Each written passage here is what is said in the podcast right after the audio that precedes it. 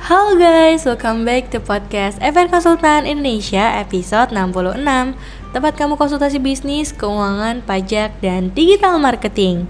Bersama saya Mutian Heta di episode kali ini Saya akan menemani kalian nih dalam beberapa menit ke depan Yang pastinya dengan topik yang seru dan bangun Buat kaum milenial dan para pembisnis pastinya.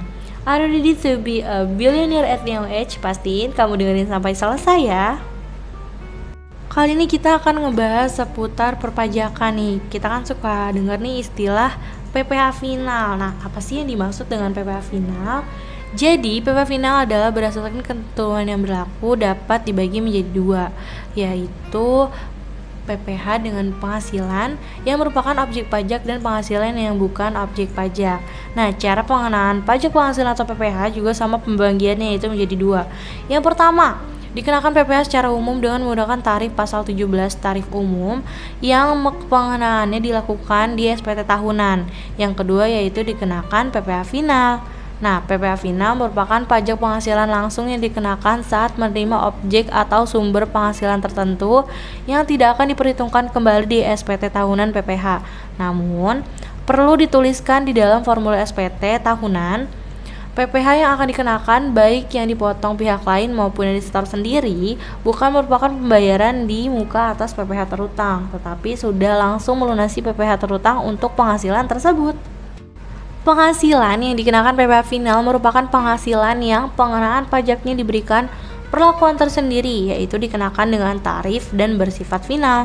Penghasilan ini antara lain meliputi yang pertama, penghasilan-penghasilan yang telah ditentukan bersifat final dengan undang-undang atau peraturan pemerintah seperti penghasilan bunga deposito, hadiah undian, dan lain sebagainya.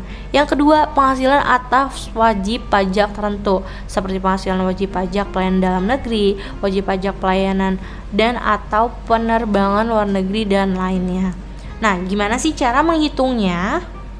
Sesuai dengan peraturan pemerintah nomor 23 tahun 2018, tarif PW final ditetapkan sebesar 0,5% dan hanya dikenakan pada wajib pajak pribadi dan badan yang memiliki omset atau penghasilan bruto kurang dari 4,8 miliar dalam setahunnya.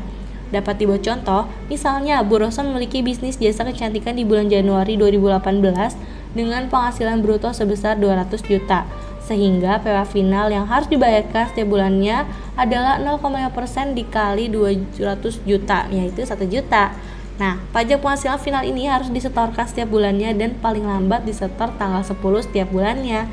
Dan kamu harus melaporkan PPA final ini di laporan SPT tahunan. Namun, kamu tidak perlu membayarkan di SPT tahunan. Nah, jadi itu teman-teman sedikit penjelasan tentang PPh final.